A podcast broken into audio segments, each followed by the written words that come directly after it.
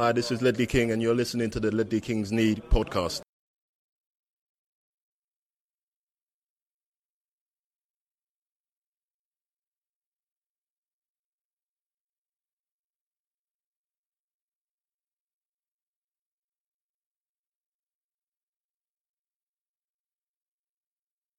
Hej och välkomna till Ledley Kings knä avsnitt 146. Eller hur Robert Folin? 145. Jag tänker inte vika en tum på den här frågan. 146. Vad säger du Jimmy? Kan man räkna ett avsnitt som ingen fick höra? Alltså jag tycker ju eh, inte det faktiskt. Okej, eh, tack för mig. Vi hörs i avsnitt 147 av Ledley Kings knä.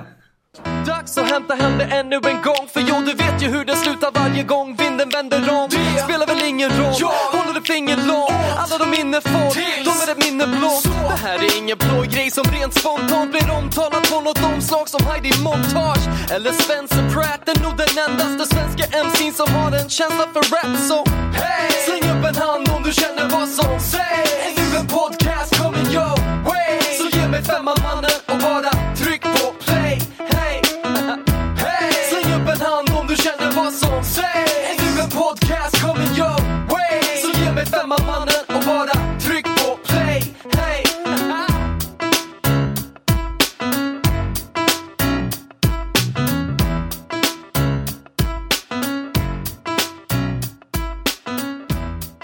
hej och välkomna till avsnitt 147 av Ledley Kings knä med mig BM och eh, Jimmy Hysén slash Robert Folin.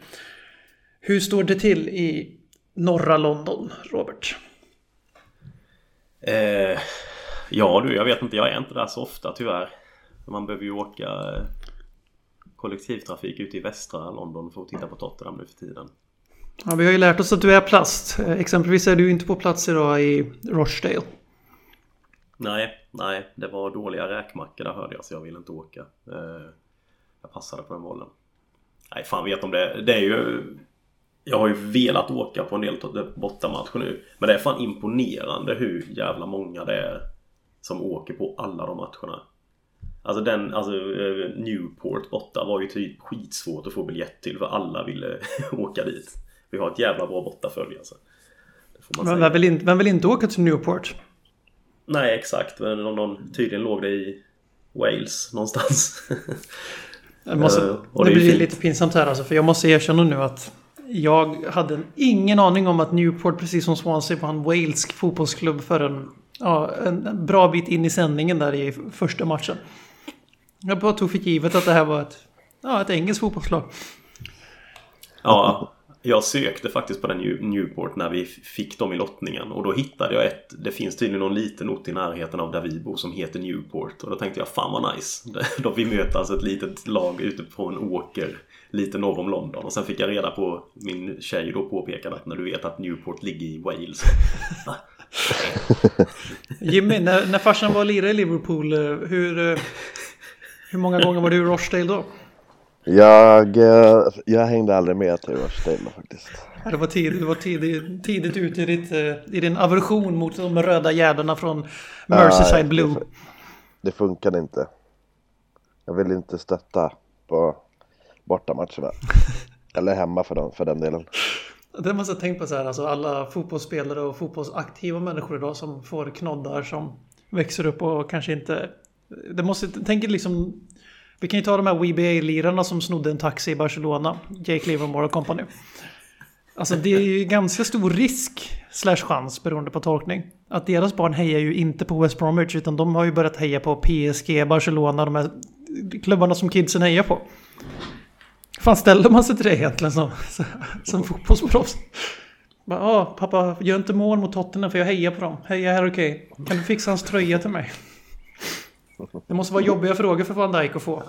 Det måste ju bli en hel del sådana som eh, spelare i typ West Bromwich får från sina barn eller typ vänner och släktingar. Sådär, ah, när ni möter det laget, du kan inte se om du kan få tag i en tröja från, ja, säg typ eh, Pogba eller Agüero eller något sånt där. Det måste ju vara en konstig känsla. Jag vet min... Men å andra sidan, vet- varför det- skulle ungarna hålla på West Bromwich? I och för sig nu kanske, nu kanske. Detta kanske är den där uspen de behöver. Vad gör West Bromwich? Det är alltså, ett av de tråkigaste lagen i hela världen. Men när de åker till Barcelona då jävla snor de taxi. Det bästa var ju artikeln som skrev om det här så bara These four players have two- 1236 Premier League games between them. Som att det liksom spelar någon jävla roll hur många Premier League-matcher man spelar. typ 1100 av dem eller någonting. Uh, Jimmy, du började säga Men någonting visst där. var, visst, var, visst var Gareth Barry med? Ja.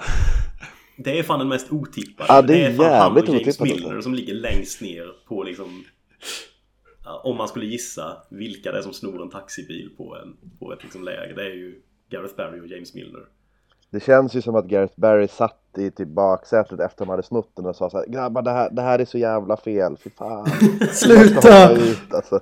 Det här funkar inte Släpp ut mig fan. Jag alltså, jag, mig. ångrar mig. Jag vill inte vara med längre. Men han är samtidigt så jävla lojal att han skulle aldrig lämna sina kamrater utan han sitter kvar där men han vill inte. Det i och för sig det skulle kunna vara så. Jake körde ju säkert och då bad han bara hålla käften bara nu, nu har vi redan gjort det så nu kör vi Jake körde och snottade kokain, kokain samtidigt. Ja, nu ska vi inte vara sådana mot Jake.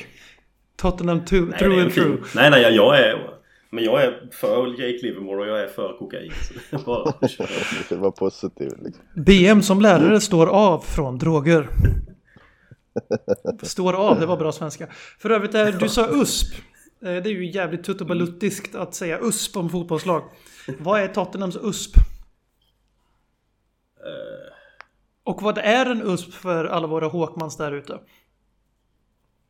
Unique selling point. Och på svenska Eh. unik, eh, unik säljpunkt. Och på Ja, riktig men liksom vad, man svenska. för, vad, vad, ska man säga? Vad, vad man har för speciellt med. Ja, Men som LKK, något som du har som inte alla andra har. som LFC-poddens liksom. Deras USP är 19,50. Ja, nej men vad ska man säga? AIK i Sverige har ju någon slags skön hybris ändå. Som jag ändå kan tycka är ganska sympat. Nu, nu tappar vi lite lyssnare här kanske. Men jag, jag tycker AIKs hybrisgrej är ju en USP de har. Malmö har sin att de, de är liksom, de skiter i alla andra och bara kör sin grej och är bäst ändå. Så AIKs USP med andra ord är Malmös USP. Ja fast, fast Malmö har ju den och faktiskt genomför den. AIK har ju bara tron på att de ska göra det men gör det aldrig. Så då tappar ju alla AIK-fans också. det går bra detta. Robert Folin, Robert Diplomaten Folin sitter här. Ett R Folin för ert Twitter-hat. Fan, Nej, jag vet inte vad vi har egentligen. Men vi har ju också någon slags... eh, Vi siktar alltid högt men det träffar aldrig riktigt. LKKs USP är väl eh, trots allt att vi aldrig släpper avsnitt ja, vi har Ja. varit jävligt dåliga på våra USP här i januari, februari 2018. Nej men våra, jag tänker att våran USP är Håkman. Så är det. Och Det är vår unik selling point. Nej, vi kan ju vara öppna och säga det nu att Marcus Håkman har ju grundat en ny podd. Den heter Grusgropen FC. Nej, han skulle aldrig döpa någonting till FC för det är för modernt. Det skulle vara FK Mm. eller BK. Grusgropen bollklubb. Mm. GBK. Eh, Men Finns sen, det någon sån... eh, Alltså, sen vi hörde sist eh, så har vi ju faktiskt spelat en match. Kommer ni ihåg? Vi mötte något jävla bottenlag på Wembley. Parkera bussen, 1-0, stor underkant. Borde blivit 4-5-0. Lik förbannat satt man där i 89 minuten och framåt och sket på sig. Jag pratar såklart om våran triumf i North London Derby som spelas i West London mellan inget lag som just nu befinner sig i North London. Folin, du var på plats. Mm, jag kom fram till slut eh, efter många om och men. Det var en jävligt konstig känsla faktiskt. Jag vet jag skrev det till er när jag hade kommit till Wembley att det var, kändes verkligen inte som ett derby kring arenan. Och det, det var ju till stor del på grund av ja, de här jävla half-half eh, halsdukarna som såldes. Det såldes alltså halsdukar med hälften Arsenal, hälften Tottenham på. Och de, de var ju givetvis, det stod inte Tottenham eller Arsenal på dem utan det stod några andra konstiga jävla grejer. Men det anspelade såklart på att det var Tottenham Arsenal. Och jag såg fan förvånansvärt många som faktiskt hade köpt dem också. Det gjorde ju också att man tappar ju lite... lite Varpå du, också, varpå du också gick in med det nyinköpta half and half. Ställde dig i rulltrappan upp till etage 4. Tog ditt bubbelglas. Och det bubbelglas som man får, när man kommer upp i rull, rulltrappan så får man så står det alltså servitör, servitörer med drickbrickor liksom och delar ut bubbel och ostronmackor. Han säger please sit down. Men eh, inne på arenan var det faktiskt, får jag lov att säga, där var det faktiskt ganska bra drag. Där, väl inne på matchen fick man i, tillbaka lite känslan av att det var ett derby. Men ut kring det var... Jag kan ju inte tänka mig att man skulle kunna stå och sälja sådana halsdukar ute i, i Tottenham. Det känns som att folk hade reagerat helt annorlunda där ute i den. Vilka visst, I svensk fotboll Jimpa, hade, hade det någonsin hänt? Alltså half and half scarves vid ett Stockholmsderby? Det går, alltså, va, va, men alltså det är första gången du har sett det eller? Ja, jag har inte sett det innan. Nej. Men det, alltså det första gången jag såg något sånt var väl första året vi spelade i Champions League. Och det var... Ja, men jag kan ha lite mer förståelse när det är europeiska matcher att du vill ha liksom en speciell... Något att minnas den för. För du har ju inte samma rivalitet där.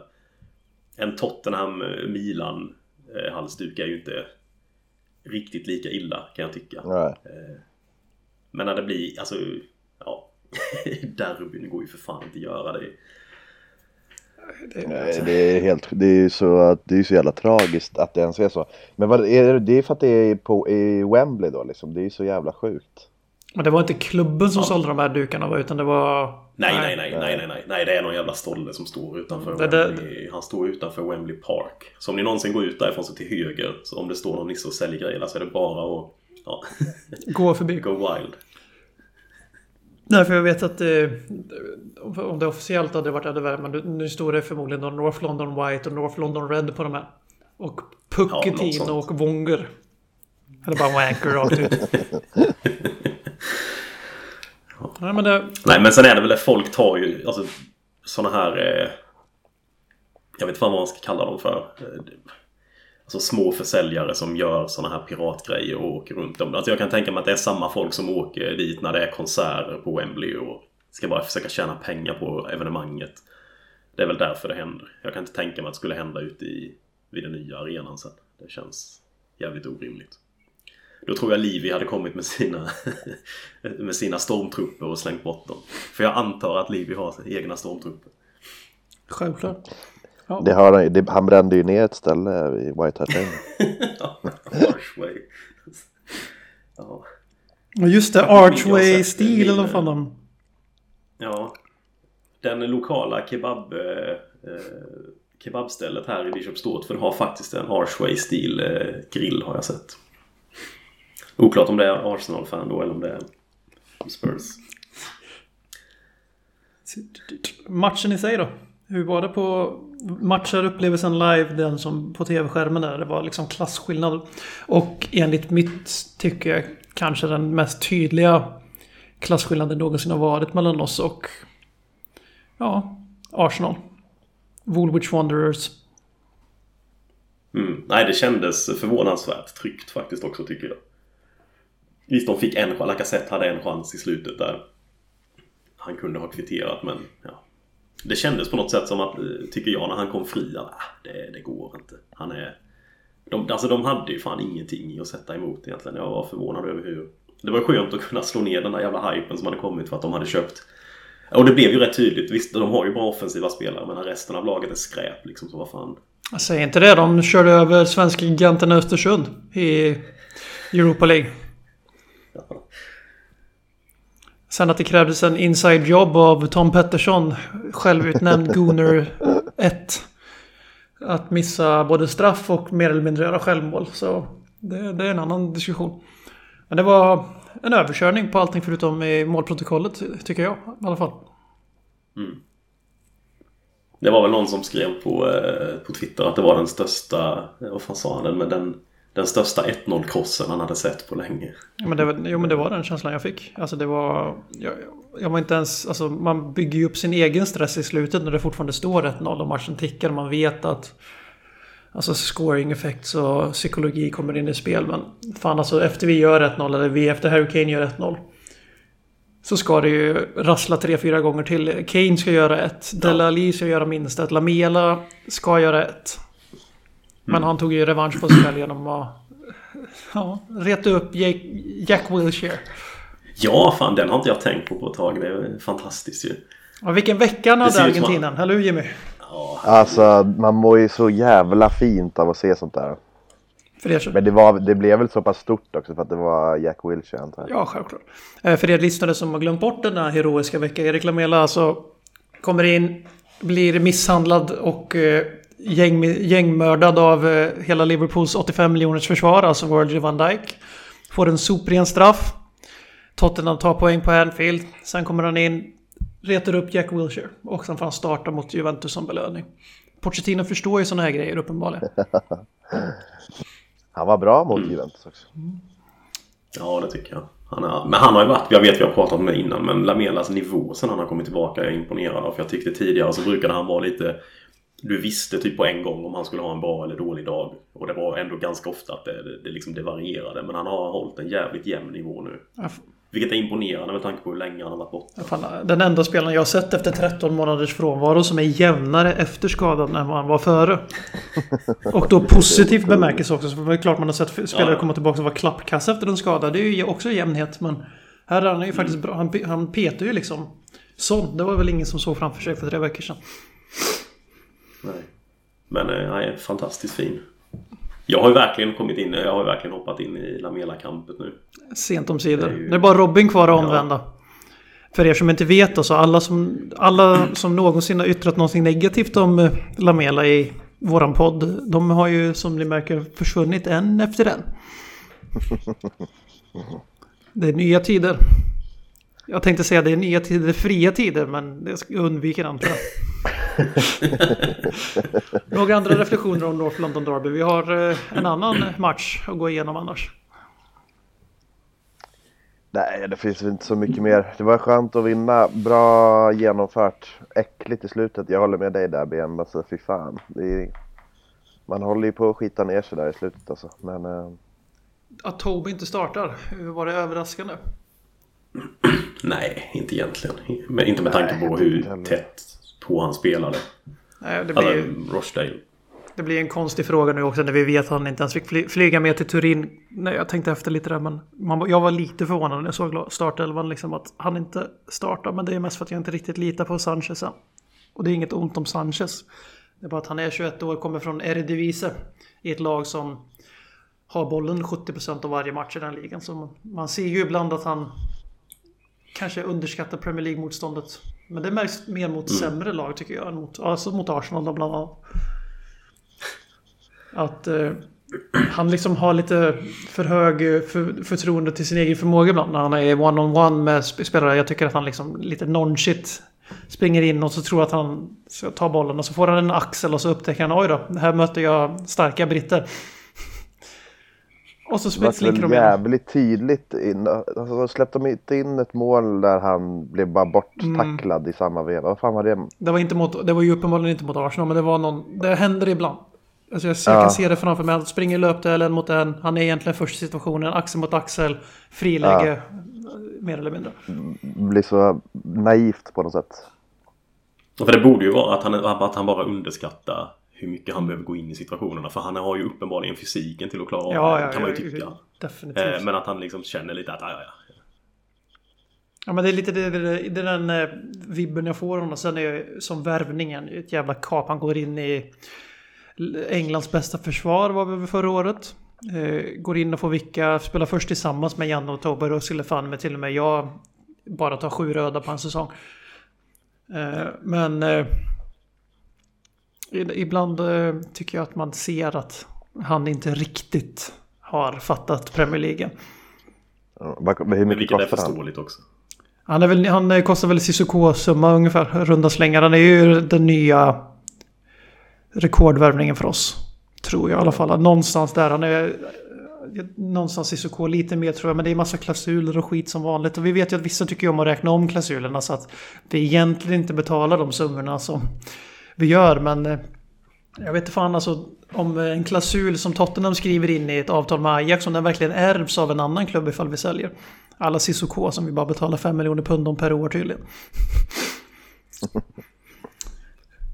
Är du besviken eh, att Cissoko inte fick starta North London Derby Folin? eh, nej, inte direkt. Det kan man väl inte påstå med resultatet också. Men jag tycker jag, jag fortsätter dra min Sissoko, Cissoko Lans. Jag tycker han får eh, lite oförskämt, eller oförtjänt mycket skit. Ja, det är inte så jävla sympatiskt heller tycker jag när man ska hänga sina egna spelare hela tiden. För det är ju det, jag, jag tyckte innan så verkade det som att eh, kritiken mot honom, alltså när han kom till oss, det var att han kämpade aldrig och det kan man ju inte anklaga honom för nu i alla fall. Han ger ju i alla fall allt hela tiden. Sen att, att det inte hjälper alltid, det är ju en annan sak men... han är en konstig spelare alltså. Svår att förstå sig på. Musa Sissoko. Hur den går. Who needs bail when you got Sissoko? Jajamän. Eh, en annan spelare som får... En annan spelare som får väldigt mycket skit, oförtjänt eller för skit, eller för skit förtjänt är ju Serge Arrier som i den andra stormatchen vi spelat sen podden träffade sist mot Juventus på, vad heter den, Ju Juventus Stadium. Kanske inte hade den bästa av dagar. Nej, där var det tufft alltså. Det var väl egentligen han, Davis var väl dålig också. Igen. Ja, alltså vi... Ni minns ju våra lyssnare, men det som händer är att Tottenham ligger under med 2-0 efter 8 minuter. Mot Juventus, finalist i Champions League två gånger de senaste, senaste tre säsongerna. Och eh, ja, det såg väl sådär ut. Ja, det var, fy fan vilken mardrömsstart. Men ähm, jag vet inte fan vad som vad hände ens liksom. Det var ju... Det var ju offside på frisparken. Mm, det var det, men vi är ju, vi är ju inte som vissa andra support. Uh, men um, ja, det, det, de, de kan inte ligga så långt ifrån honom oavsett. Liksom. Nej, och det, men jag tror att jag, det var någon som pekade ut att det är Delali som somnar på jobbet där på frisparken och de slår en alldeles för enkel kombination och gör 1-0 direkt. Sen går Ben Davis in och gör en flygande tvåfotare i straffområdet. Straff, mål. Eh, vi tar igen, tar över matchen totalt och då bestämmer sig Serge för att nu ska jag också ge Juventus en straff till. Higuain skjuter straffen i ribban va? Mm. Ja det är fint hur Aurén då liksom känner lite alltså sportmanship där att nej detta går ju lite för lätt nu vi måste ge dem en chans och vi måste få lite mer uppförsbacke igen annars kommer vi ju vinna detta. Men han är ju också en sån, alltså gode gud vad han kan blanda. Han är ju oerhört oslipad. Jävligt ofta. Alltså det är en helt idiotisk tackling att göra. Vad fan ska du... Det är så meningslöst. Och, eh, ja, den är fullständigt meningslös. Till att börja med att han startar framför Trippier, vad tycker vi där? Alltså, det var väl en, det var Lamela och Arier som kom in i startelvan på Son och eh, Trippiers bekostnad från det här startelvan som tog fyra, eller tog sju poäng av nio möjliga mot United, Arsenal och Liverpool. Sen Pochettino gör två förändringar. Arier är en av dem. Vad, vad tror vi tanken är till att börja med? Varför spelar Sergio inte Kyrian mot Juventus? Alltså jag... Eh, jag tycker ju ändå att det var rätt att starta med Aurier alltså. Eh, jag gillade det på något sätt men sen vart det inte så bra men jag, han har lite mer pace som man säger så fint. Uh, det, är väl, det är väl det liksom. Uh, Lamela, bra val tycker jag så här i efterhand. Ja, definitivt. Riktigt bra match. Eh, så nu vet vi också Mauri att... har väl mer erfarenhet också från de typen av matcher. Och sen så måste ju han få spela Han kan ju inte bara spela Rochdale borta liksom. Han måste ju få spela i lite stora matcher också. Um, för jag tror inte så att Pochettino har bestämt sig för att Trippier är nummer ett. Då han vill väl att de två ska fightas om den platsen och då måste det väl roteras lite. Så innan matchen kan inte jag heller säga att jag kände att fan vad idiotiskt att starta honom. Nej, inte jag heller. Um, Nej. Jag tycker Men att det är redan där... att han... Ja. Jag tycker att han, eh, han är nästa offer för den här mentaliteten att man måste alltid ha en scapegoat. Det har vi haft några genom året. Det har varit Danny Rose, det har varit eh, Lamela, det har varit eh, eh Cissoko, det har varit eh, Trippier. Eller vad säger jag, Ariel? Eh, alltså jag tycker han, alltså han kommer också in i, inför säsongen. Han har gjort det ganska bra från nyförvärv. Vi får också komma ihåg att nyförvärv under Pochettino tar ofta jävligt lång tid för dem kick, för de klickar med laget. Eh, undantaget är väl Wanyama, och alltså spelare som Pochettino har haft förut. Så jag tycker han har varit helt okej, men han har ju den här jävla nonchalansen i sig ibland. Han, alltså, han gör ju så hårresande misstag och oftast är det inte för att han desperat försöker rädda laget utan han försöker städa upp efter sig själv eller bara typ ta en sån här, vem fan bryr sig rött? Som den här straffen är liksom, det ser ju nästan ut som att han vill att det ska bli straff i Juventus. Han bara this liksom. Ja, det är en sån tackling man gör i Fifa när man spelar mot någon annan och Förlorar. Man bara blir sur och bara för helvete ta den här. Alltså, man vet vad som ska hända men man skiter i att göra det ändå. Ja, Men det är det intryck jag får ibland. Det, det känns som att han är för PSG-fierad liksom. Att han, han är van att spela ett lag som alltid vinner. Och då behöver man inte vara switched on hela tiden. Utan man kan ha sina så här mentala lapsar och inte vara fokuserad hela tiden. Och då hamnar man i de här situationerna. Och vi, är inte riktigt, vi har inte riktigt råd med det när vi spelar mot ett av Europas absolut bästa lag. Som de absolut inte såg ut som att vara eftersom vi borde... Hade vi inte hamnat i 2-0 underläge efter 8 minuter hade vi fan kört över Juventus.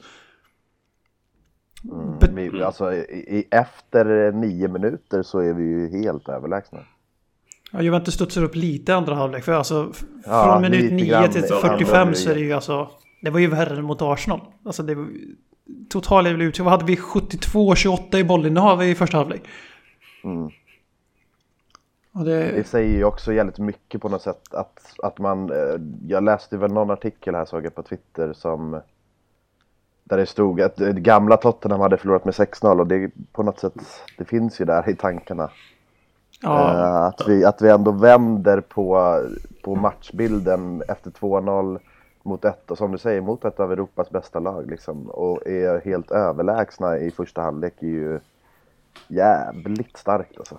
Ja, det är så... Ja, det är sjukt bra. Jag tänkte precis på det Jimmy som du säger. Man måste fan ändå lyfta vad det är de ändå gör här. För det är, ing- det är inget jävla dynggäng. De springer och tar igen en 2-0, eller två måls Ja, underläge. det, är inte, det är ju inte Porto borta liksom. Här, I vårt fall så tjänar vi ju ingenting på att vinna gruppen. Utan vi fick ju möta Juventus liksom. Så. Men jag undrar vad folk ska Nej, det- säga nu. För att vi mötte ju Dortmund när Dortmund var dåliga båda gångerna. Eh, Real Madrid var stor dåliga. bedrift. Och Real Madrid var samma grej också. Jag antar att Juventus, med Juventus kan de ju inte säga att de var inne i en dålig svacka. De hade inte släppt in mål på 2008 16 matcher liksom. De hade inte släppt in ett mål på hela 2018. Jag tror de var- de hade släppt in ett mål på 15 matcher fram tills att de möter oss. Eh, De prenumererar på Se- ligatitlar. Senast Buffon hade släppt in ett mål var mot, det var av Jakob Johansson. Är det. Helt sjukt. det är riktigt sjukt. Nej men det var ju... Jag vet inte vad... Alltså för grejen att... Eh, många vill ju få det till... Många vill ju få det till att vi har en sämre säsong i år för att vi inte är med och slåss om ligatiteln och vi faktiskt kämpar ganska hårt för ens... Att jag ens säger orden för att ens, men... eh, För att ens då nå Champions League i år. För det är någonting vi tydligen tar för givet nu när vi gör vårt andra Champions League-uppträdande i rad och tredje någonsin.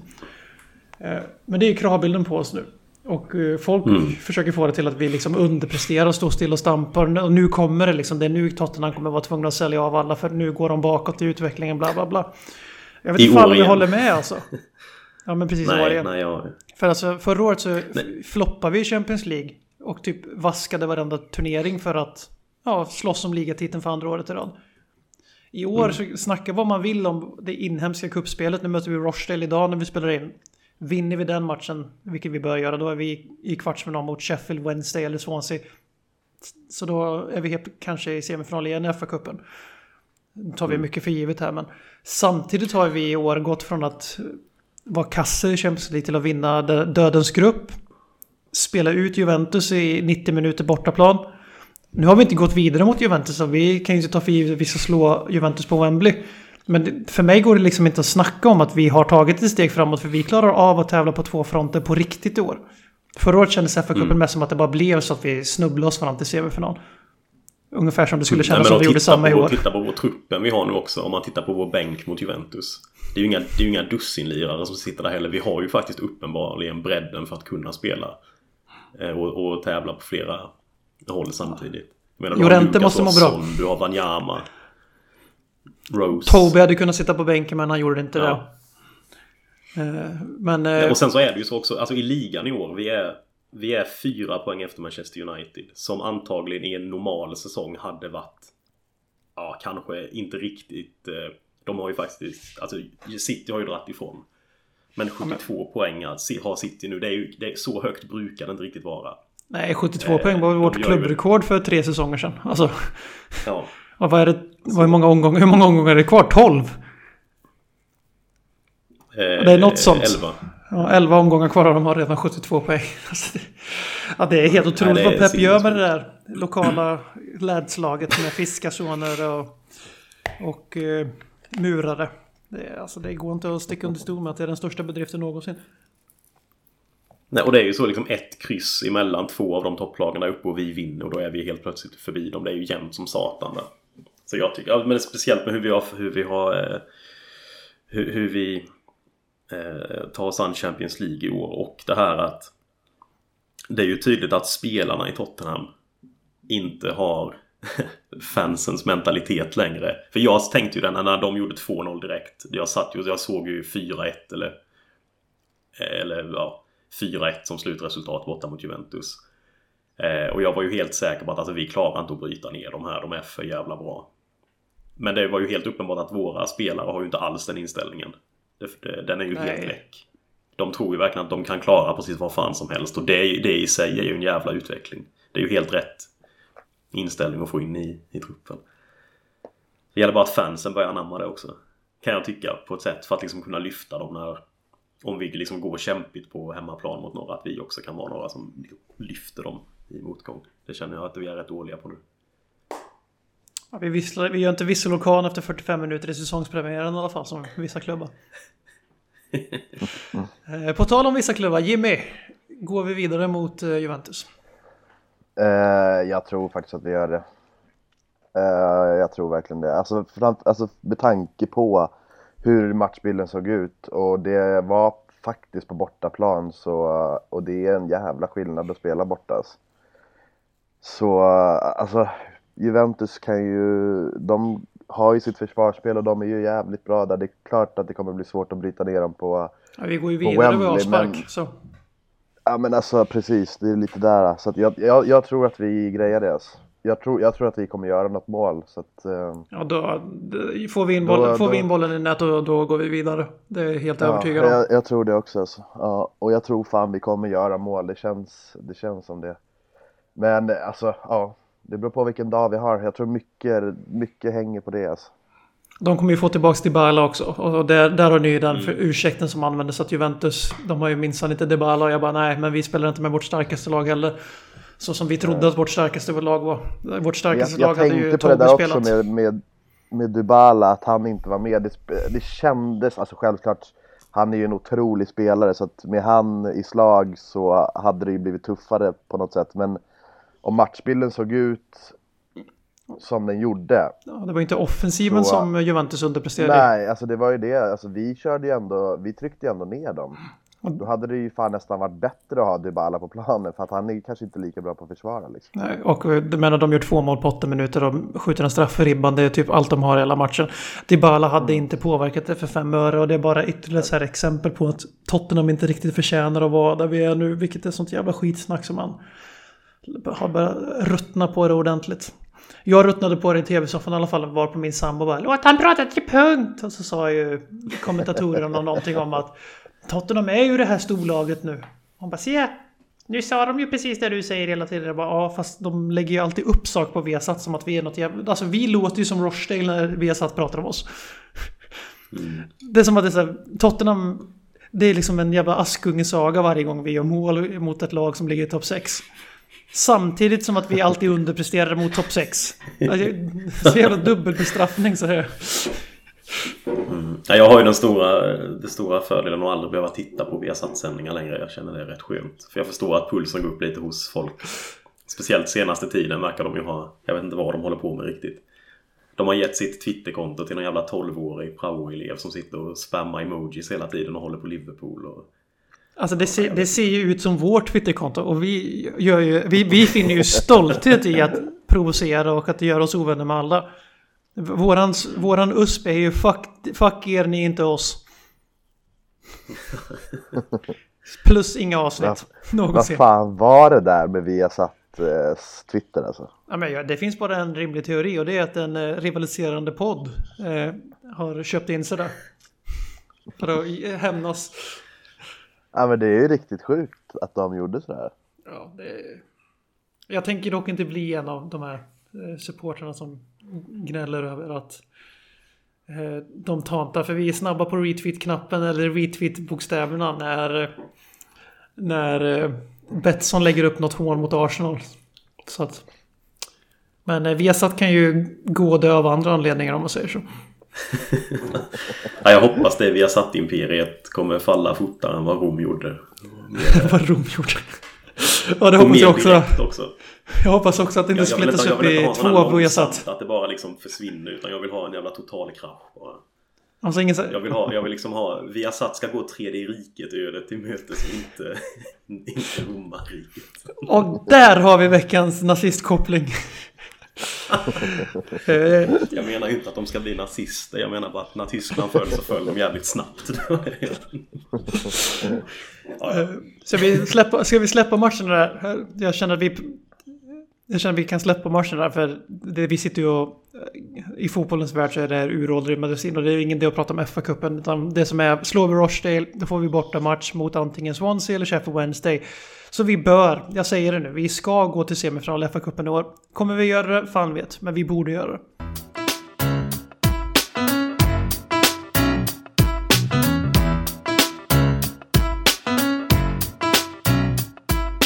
143 fotbollsmatcher som professionell fotbollsspelare. Fostrad i den vackraste av alla klubbar. Eh, I en match mot eh, världens avskum fick han en skallning av en lagkapten i världens avskum. Ungefär ett år senare tvingas Ryan Mason, som alltså är yngre än mig, avsluta sin fotbollskarriär. På grund av komplikationer av den här hjärn, eh, skallfrakturen han fick. Eh, på alla sätt är ju det här ett jävligt trist avslut på en väldigt fin karriär. Och eh, jag tänker vi kan väl börja med att bara snacka om vad vi bäst kommer ihåg av Ryan Mason som alltså slog sig in i Tottenham säsongen 14-15 efter att många nog hade skrivit av den här väldigt en gång i tiden hypade ungdomsprodukten. Folin, vad är det bästa minnet du har av Ryan Mason? Um, Ja, det är väl svårt att inte tänka på när han sparkar Jack Wilshere. Fan också, det tänkte jag också ta. Men eh, eh, generellt så kring Mason så kände jag att jag var ju jävligt eh, jag var förbannat glad i Scott Parker när han spelade i Tottenham. Och det året när Mason fick eh, nummer 8-tröjan så kände jag på något sätt att det var liksom den nya Scott Parker som kom fram. Han var egentligen han, för Scott Parker borde ha kommit till Tottenham tidigare under karriären och det kändes lite som att nu kommer vi få en spelare som kanske kan bli det som Scott Parker skulle ha varit hos oss. Um, så jag, har, jag tänker mycket på Scott Parker när jag tänker på Ryan Mason och det är, det är oerhört positivt menat. Jimpa? Uh, och sen så... Ja, Folin, du kan få prata till punkter för en gångs skull. Nej, och sen bara att jag minns att jag var jävligt imponerad över hur hur, väl han funkade som central mittfältare djupt längre ner i banan. När man hade läst om honom som ungdomsspelare så spelade han ju ofta en mycket mer offensiv roll och var någon slags nästan andra, alltså lite Robbie Keane-aktig roll. Eh, kändes det som. Eh, men jävligt fin fotbollsspelare. Bra huvud. Mm. Nej, alltså jag, jag, kan inte, jag kan inte säga att jag har något alltså, specifikt eh, minne så. Jag tyckte, jag tyckte om han väldigt mycket. Jag tyckte han var... Det var kul. Det är alltid kul när det kommer från egna led såklart. Som, som med alla egentligen. Eh, att han ändå blev så pass bra i ett Tottenham som faktiskt någonstans där började på riktigt bli bra liksom. Och att han ändå slår sig in under den tiden eh, är ju jävligt bra gjort alltså. Eh, det det. Många vill ju också få det till att eh, han är liksom symbolen för Pochettinos Tottenham. Där han med, där både, per, både Perez och Pochettino själva har väl antytt att Gör inte han det där målet mot Nottingham Forest i FA-cupen eller ligacupen så kanske inte de hade fått behålla jobbet. Eh, bland annat Simon Finne som har ställt en fråga om Mason, ville vi skulle prata om honom. Eh, så grant, request granted. Eh, men annars är, är det väl det att det han, alltså han är ju... Han är ju Pochettino. Det är hög intensitet, det är ett jävla hjärta. Och någonting som kanske saknas för honom var ju att han hade väl inte riktigt kvaliteten som behövdes för att ja, men bli bofast då, som till exempel en Harry Kane. Eh, även om, alltså, och därför hamnade han i Hull där hans karriär tyvärr tog slut för tidigt. Eh, Men det man kommer ihåg med honom är väl att han liksom, det här är en spelare som var ledande i Lorients B-lag och spelade amatörfotboll. Bara något år innan han till slut slog igenom i Tottenham. När alla hade väl gett upp honom mer eller mindre. Till och med klubben verkar ha gett upp honom. Så det är en jävla resa. Som tyvärr tog slut av, mot Chelsea av alla jävla lag. Ja, det är ju tydligt nu också efter eh, att, att han har annonserat att han ska sluta eh, med fotbollen. Att Pochettino och Perez har ju ett jävla starkt band till honom. Och det var intressant att läsa om hur de pratade om hur svårt det var att låta honom lämna klubben. För jag tycker ju då när han lämnade så jag kunde förstå Mason att han ville... Han hade liksom, han var i en position där han hade fått vara med i landslaget. Han behövde liksom spela för att verkligen etablera sig som en liksom bra Premier League-spelare. Det kanske han inte hade känt att han kunde göra om han bara satt på... Om han liksom var en rotationsspelare i Tottenham. En sparsamt använd sådan också. att- Ja, exakt. Men jag tyckte han hade ju kvaliteten att, att, att vara en del av truppen. Men ja, det kändes som att de gjorde en avvägning för honom, för hans skull också. Vilket var rätt fint att, eh, att läsa. Att de liksom lät honom gå för att de kände att han behövde det också. Men om han hoppas ju han kommer tillbaka nu. Det har ju varit en del prat om att han eh, och en del, del invitationer från Tottenham håll att det finns en roll för honom i Tottenham. Och det hade ju varit jävligt fint alltså. Det, det vill man ju se. Ja, verkligen. Kanske bredvid, som ett krav. Alltså. kanske bredvid Scott Parker då på ungdomslagen. Så får du din dröm av Parker och Mason tillsammans. Ja, om vilka spelare de ska producera. Men för, för unga spelare med som eh, kanske eh, Säg att du är en ung spelare och åker på en skada när du är 17-18 eh, Att ha en sån person som Ryan eh, i, i staben där och, någon som kan gå in och liksom prata med dem om hur han har hanterat det. För han hade ju också rätt mycket skadebekymmer kring 17, 18, 19 års ålder. Han vet, han har ju gjort den resan som många av dem vill göra. Eh, det måste vara sjukt eh, värt mycket att ha en sån kring ett ungdomslag också. Ja, absolut. Och inte bara ha liksom 50-åringar gamla mittbackar. Det är det jag antar de har i alla andra ungdomsakademier. Det är bara Tottenham som gör det rätt. När Pochettinos långa, långa epok som manager för Tottenham Hotspur tar, tar slut och han åker hem till Argentina för att träna landslaget. eh, Så kanske det blir Parker, King, Mason som tränar trojka. Det är ju en fullständigt livsfarlig alltså, tränaruppsättning att ha dock. Alltså du, du plockar upp tre hjältar som kan krascha så in i helvete. Det är ju, Men det kommer vara underbart medan, medan det händer och går bra. Förhoppningsvis ja, kanske. De där, de där fyra veckorna kommer vi flyga. Till första träningsmatchen mot Ju- Juvel och vi förlorar med 3-0. Så vi tackar Ryan Mason. Jag har hans tröja med nummer 8 på ryggen. Hann inte köpa, han hade Junis nummer, men nu har jag i alla fall en Mason-tröja som blir ännu mer värd. Eh, Vi har också fått en jävla massa frågor och det var ju någon här som kuppade och bad om icke-fotbollsrelaterade frågor. Och jag tänker att Jimmy, hur retweetar man på bästa sätt undrar Galaxy Hero, Rickard. Eh, jag skulle eh, gå, alltså, installera ett program som heter Tweetcaster. Och så skulle jag retweeta genom den och sen hur det ser ut i rutan eh, så får det se ut bara. Folin, har du något att tillägga? Jag vet inte vad Nej, jag köper helt Jimmy. Jimmy har ju koll på jag, det. jag, jag trycker bara på retweet och så får det vara så. Jag retweetar inte så jävla ofta i och för sig. Jag jag är lite coolare än alla andra så att jag kör ju inte retweet, jag kör ju like.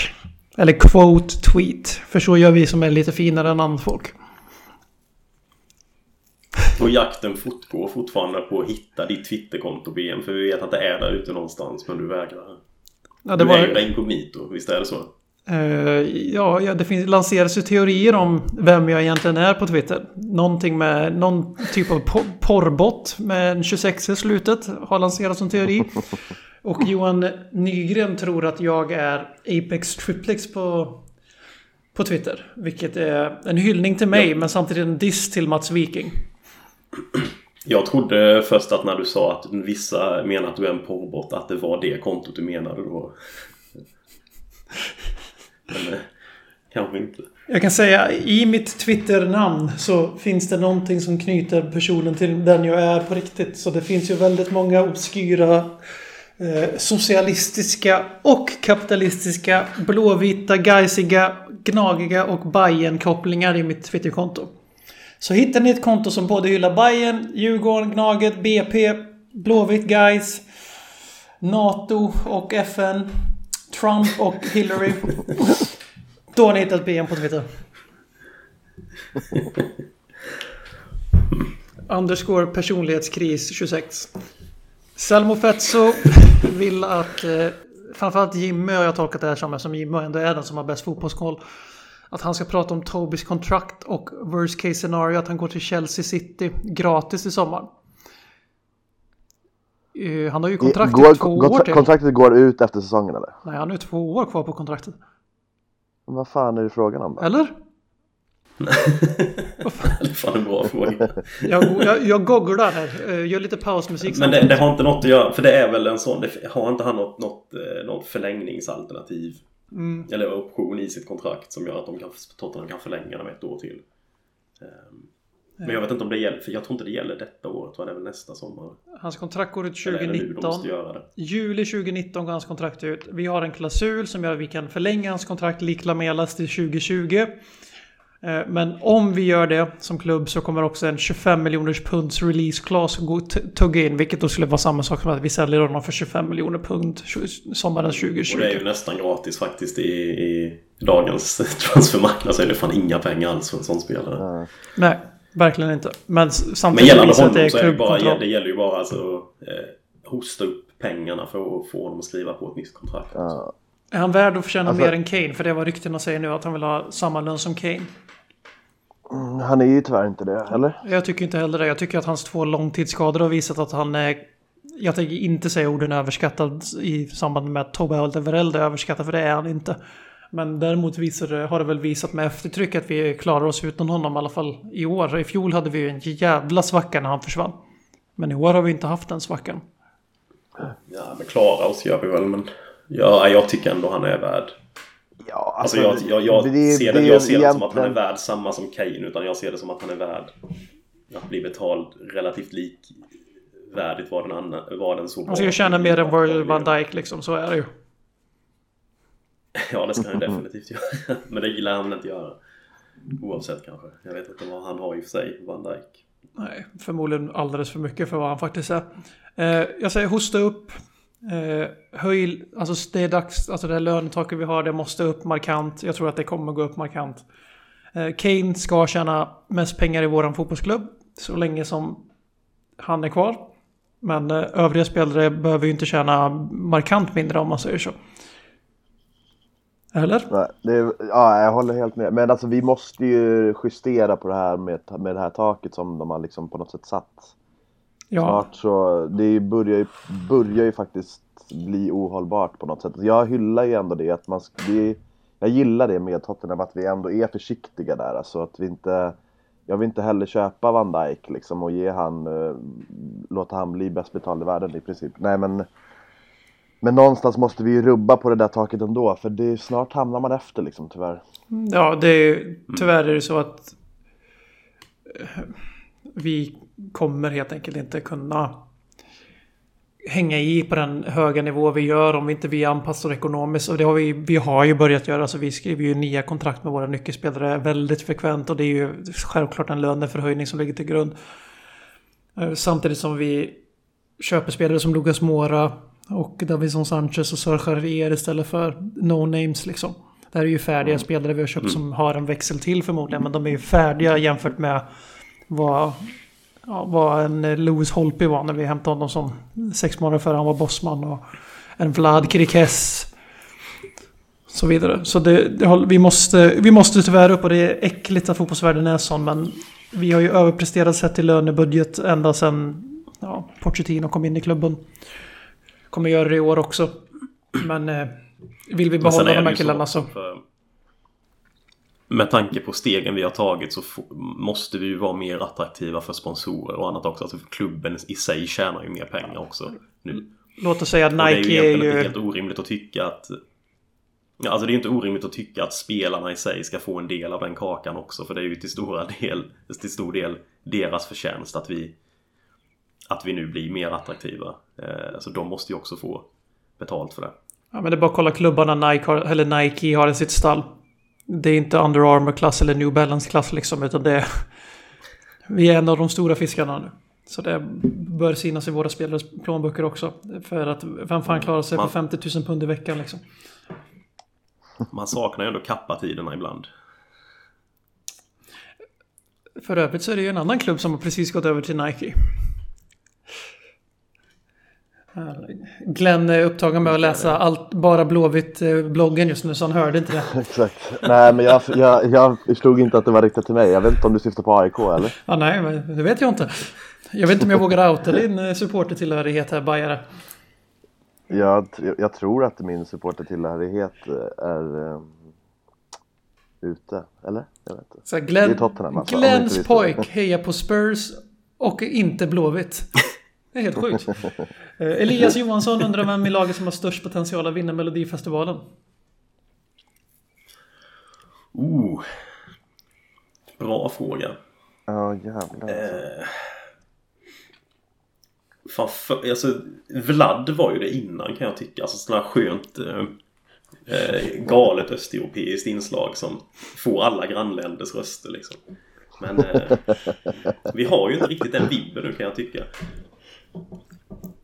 Är det, är det Lorente kanske? Som drar någon sån här riktigt smörig jävla kärlekslåt på. Om Juventus. Han var, han var ju väldigt noga med att gå ut och säga att han inte skulle fira ifall han gjorde mål mot Juventus för att Ja. återfinna sig själv på läktaren. Han kommer inte spela en minut till nu förutom mot eh, EFA-cupen idag. Fan stackars Lorente. Vilken jävla Fan floppvärmning. var det? Alltså, Ja, och, men nu fan. vi kör... Jag kommer inte fira med mål. Nej. Nej. Okej. Då, vet, då vet vi det då liksom. Varför säger man något sånt? Jag jag blir så orimligt irriterad också för att alltså, jag trodde han på riktigt han skulle få spela mot Juventus? Nej, bra, han har var inte ens på bänken va? Nej, nej, han var inte ens på bänken. Nej. Jag undrar om han fick åka med ner. Det får man ändå hoppas. Det hade varit ett hot om Porsche bara säger till honom på, på söndagskvällen eller måndag morgon när de åker ner. Bara, Nej men du stannar här. Eh, Alltså jag, jag gillar ju Llorente egentligen som fan. Han gjorde ändå 15 baljor för Swansea. Tackade nej till Chelsea för oss. Och nu sitter man bara... Ja. Ja. Vi, Men han har ju inte, alltså ärligt, han har ju vi kan inte köpa Han är anfallare. ju så lågprioriterad till, alltså han prioriteras ju så lågt när det kommer till att spela in en spelare i laget. Men vi byter, vi byter ju, vi byter ju hellre spelsystem än att spela honom. Så. Ja. Men han får spela matcherna som Pochettino till och med gått ut öppet och sagt att jag kommer bry mig om FA-cupen när vi säkrat Champions League-spel. eh, Johan Vad, är, är han sämre än Jansen eller? Robin Dronsfield tycker inte det.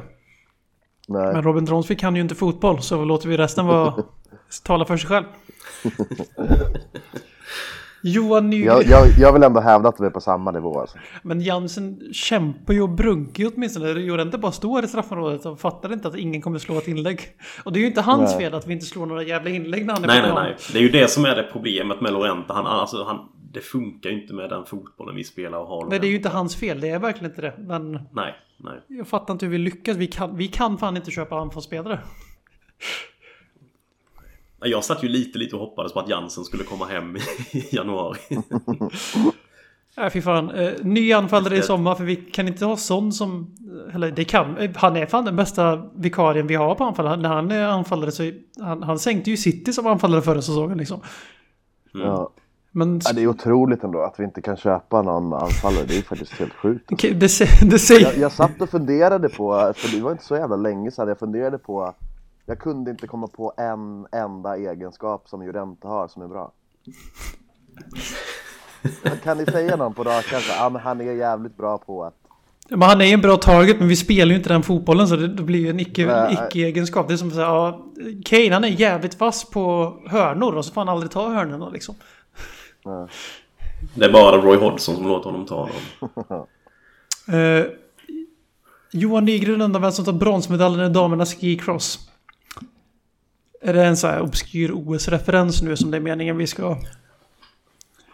Ja, jag, jag, min första tanke är vad är ski? Ja, exakt samma sak tänkte Hur jag. många minuter och vinter-OS har ni sett? Noll. Jag har sett lite grann faktiskt. Jag blev utsatt för det på jobbet. Utsatt? Blev jag norrlänning? Eh, jag blir utsatt för det på jobbet när mina kollegor sitter och lyssnar på sändningarna. Jag bryr mig bara om hockey i vinter-OS och nu är det inte ens NHL-proffs som är så fuck vinter-OS och alla som älskar det.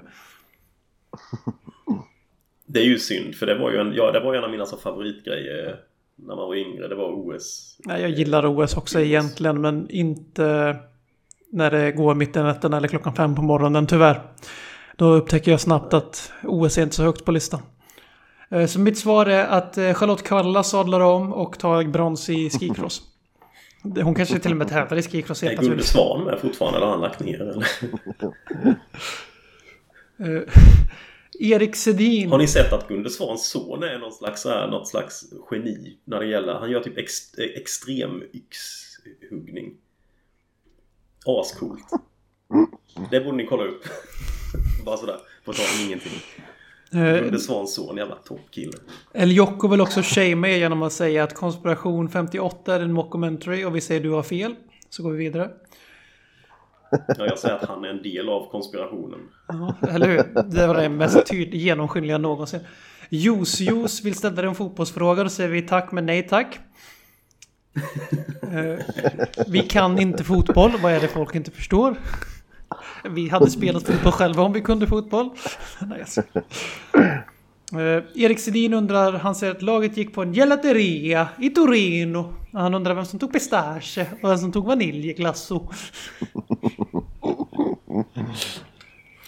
Juve Jag Merda! Ben Davis Ben Davis har ju en riktig vaniljglass-aura. Ja Ben jävlar. Davis gör ju inget som är onödigt, alltså som är så här onödigt riskabelt. Utan han, han tar ju det säkra bettet. Han tar ju capricciosa när han beställer pizza. Ja, definitivt. Definitivt. Och när han läser, som ungdomar och fotbollsspelare inte gör, då läser han ju någon så här superkrystad safe klassiker som alla läser, fast egentligen ingen fattar, som On the Road. Superhyllad klassiker. Hur många tycker egentligen att den här dagboken med fiktiva namn är ett jävla mästerverk som ett litterärt verk? Få gör det, men det är någonting man ska. Star Wars, man ska sätta, man ska gilla Star Wars. Är det egentligen så jävla kvalitet? Ja, det är det. Det var ett dåligt exempel, men ni förstår vad jag menar. Han går inte ut för lådan. Kylo Ren Vem köper pistageglassen då?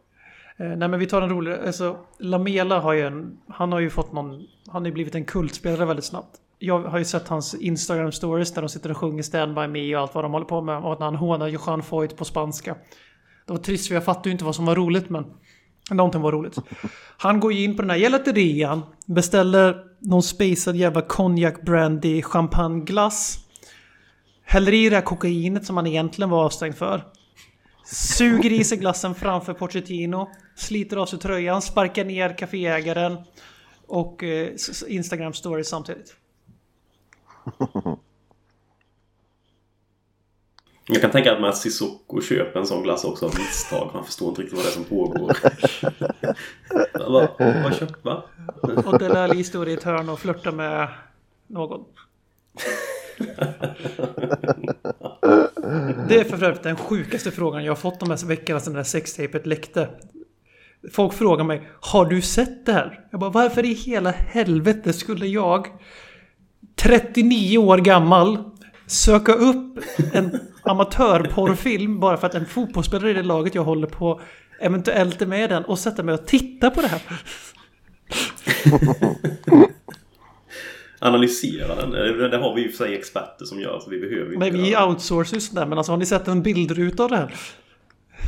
Det var ingen som kommer våga svara på det här. Ja. Jag har sett bilder. Ja men jag faktiskt. Ja, här trodde jag vi skulle ha enad front och helt plötsligt framstår jag som en sån här torr jävla besserwisser-nisse som det backfire ordentligt. B. Till skillnad från din vanliga rock'n'roll-aura du har som här. Ey! Ey, too personal. Du ska bara veta vilken jävla rockstjärna jag är på jobbet. Alla unga vet att jag är på Spurs och det enda de vill göra är när Tottenham förlorar, vilket sällsynt, då kommer de och hånar. När Tottenham vinner, då beter de sig som att det är det mest osannolika som har hänt. Varpå jag då får påpeka att vi tagit flest poäng i Premier League de senaste tre säsongerna. Även om jag egentligen tror att City har gått om oss med råge nu, men... Jag kör den här klassiken som politiker gör, jag bara börjar rabbla siffror och så här obegripliga saker som inte har med saken att göra. Och så snackar över huvudet på folk. Det bra eh, Det var för övrigt en elev som hade en bild på oss i sin powerpoint-presentation när de höll tal i min kurs. Så avslutar de powerpoint-presentationen med en bild på oss för att visa Jag vet vad du gör på fritiden din jävel. Jag tog det som en hyllning. Eh, nu blir det mycket BM som det inte ska vara. Så nu kör vi Simon Finne. Mest trogna lyssnare. Han sponsrar oss med 49,90 i månaden för det är vad våra lyssnare gör. Han har en fråga till er två. Vad skulle ni välja om ni skulle ha råd med ett av dessa två alternativ? Köpa MTG och lägga ner hela Viasat. Eller två, köpa Liverpool och förstöra hela klubben.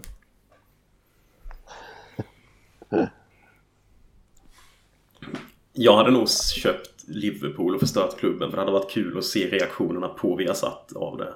Man hade liksom kunnat njuta av båda. Liverpool hade ju skitit i om Viasat lades ner egentligen.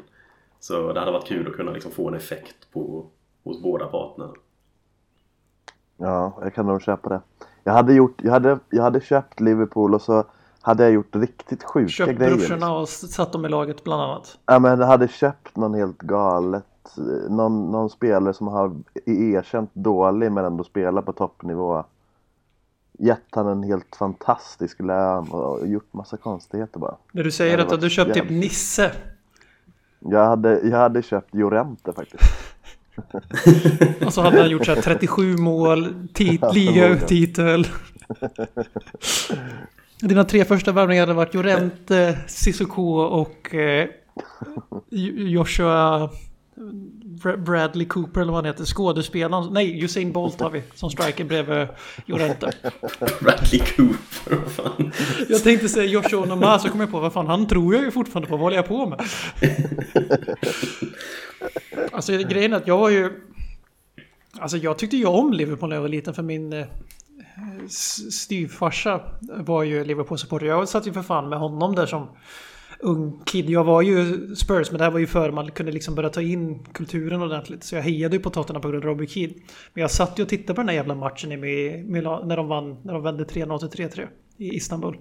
Ja, då hejar jag ju på Liverpool den matchen. Snabbspola 13 år. Jag, fan, jag hatar Liverpool nu mer än vad jag hatar Arsenal nästan. Så jag hade också köpt Liverpool och kört ner dem i skiten. Men har ni sett det här? Eh, Jag sa ju att Johan Sjöström hade en fråga som han inte fick ta upp. Men såg ni den bilden han la upp eh, igår tror jag på Twitter? Ja, Att, eh, Pajala Special, eller Ibland vill Pajala man bara ha en Sunrise. Pajala Sunrise. Ja. Jag tänker det kopplar ju lite till Jimmy och dina falukorvsäventyr. För det är ju då en Pajala vad- vad var det för Sunrise fråga? här. Det är ingen fråga. Nej, det är ingen fråga. Det är en observation. Det här. Som jag vill ha din reaktion på. Att Johan Sjöström dricker alltså en, en, en eh, drink, om man kan kalla det för det. En Pajala Sunrise som är ett falkonglas fyllt med hembränt och sen en falukorv uppe på. Som, som en ananas liksom. Nej, som en, som en skiv, citronskiva eller vad fan. Groggar du med falukorv också Jimmy eller? Alltså, jag har ju precis fått en fantastisk idé här. Så att eh, nu är det ju bara att köra på det tänker jag. Jag har inte gjort det tidigare men det kommer ju att ske. Det vet väl Det, det egentligen kom, jag redan nu. jag sitter redan och väntar med, fram, med väldigt stor framförsikt på när vi kommer få ett chattmeddelande 0357 i våran ökända chatt. På ett glas. Har vi pratat någon gång om Jimmys falukorv här i, i podden? Har vi, tagit, har vi lyft falukorvsfrågan? Fan, det här kan man Alltså, ju... vi gjorde det för, för något år sedan men eh, det, det var inte mer det, det hände ingenting. Det, det liksom eskalerade inte. Ja, kommer Jag kan få... säga så här nu medans liksom att jag är otroligt sugen på falukorv nu. Det lät otroligt bra. Det värsta är att jag blir också sugen på falukorv när du pratar om det. för, för lyssnarna som inte hänger med här nu så, så är det ju så att den måste vara, den är ju otillagad. Ja, ja, alltså. för fan. Den är rå. Hänger ju inte dit en skiva stekt falukorv i sin Pajala Sunrise. Nej. Så om tre år, då kan ni gå in i en av. Folins eh, 37 barer världen runt. Som är hans side business. Eh, och så kan ni beställa en Jimmy special. Och då kommer ni få ett glas moonshine. Fyllt till bristningsgrädden med riktigt ful eh, småländsk eh, odlingspotatisbaserad moonshine. Samtidigt som det hänger en halv jävla ki- ett halvt jävla kilo falukorv i glaskanten. Och så kan ni avnjuta den, tacka juice juice och skåla till Jimmy i hans namn. Så ära. Känner vi oss klara där eller ska vi ta den där hur man bäst bajsar frågan?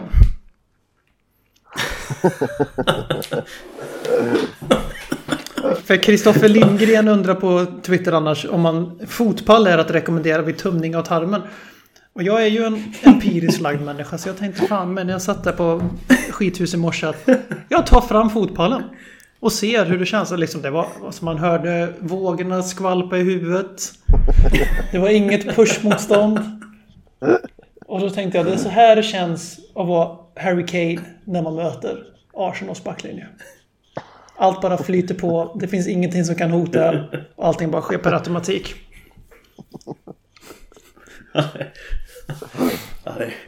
hög nivå alltså.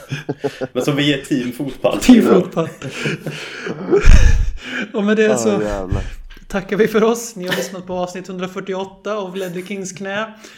Numera utgivet på falukorv.se och eh, har ni tur så hörs vi igen 2020 när Toby Alderweireld har gått till Manchester City gratis. Hej hej! Dags att hämta hem det ännu en gång För jo, du vet ju hur det slutar varje gång vinden vänder om. Det spelar väl ingen roll, ja. håller ett finger långt Alla de minne får, de är ett minne blått Det här är ingen blå grej som rent spontant blir omtalat på något omslag som Heidi Montage. Eller Spencer Pratt är nog den endaste svenska MC'n som har en känsla för rap så hey. släng upp en hand om du känner vad som sägs. Ännu en podcast coming your way. Så ge mig femman mannen.